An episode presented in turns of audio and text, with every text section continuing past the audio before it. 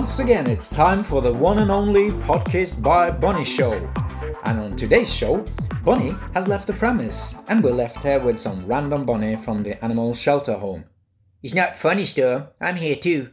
Yes, you are. So what's up, Bonnie? Nothing special.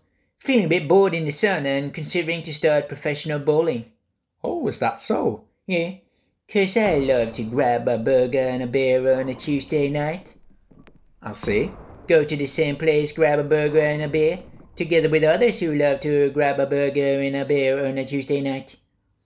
I guess you know that bowling actually includes more than just eating burger and drinking beers. It also involves throwing a ball every now and then, Bun. Can't be asked. But it's part of the bowling package. I hear you, but I'm not interested in that part of the package. Talk about package. Look what I got in the mailbox this morning. What is it? It's sweet dynamite. Mama's little toddler. Hmm. Dynamite? For what? Uh, I just want to do some random vandalism. You know, I was actually nicknamed Prankster Bunny back in the days. I'll believe you. So, I'm gonna blow the bus stop with this. Three kilos should be just enough to leave a beauty spot signed Prankster Bunny. Bus stop? Why you want to blow up the bus stop? Cause I've been sitting there every single day watching other vandalism. Someone kicked the garbage bin. Ugh. Or graffiti. Ugh. Tiny wreckage. I want to blow it all up.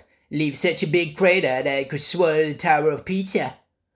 You know this prank is going to stop the bus from coming here for a long while, Bunny. Yeah, I know. But I got my scooter. I get around. Scooter?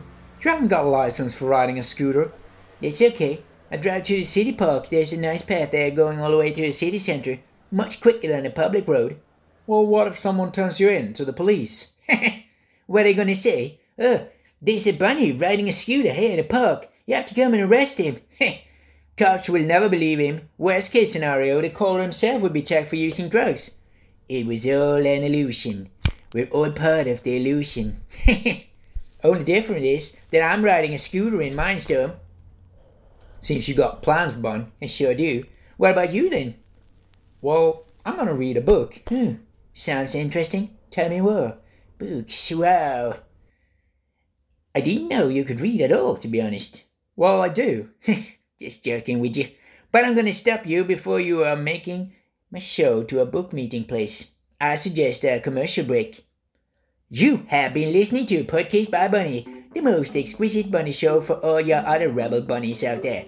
Keep it real, and don't forget to ride that scooter. Who's gonna stop you? Smell you later.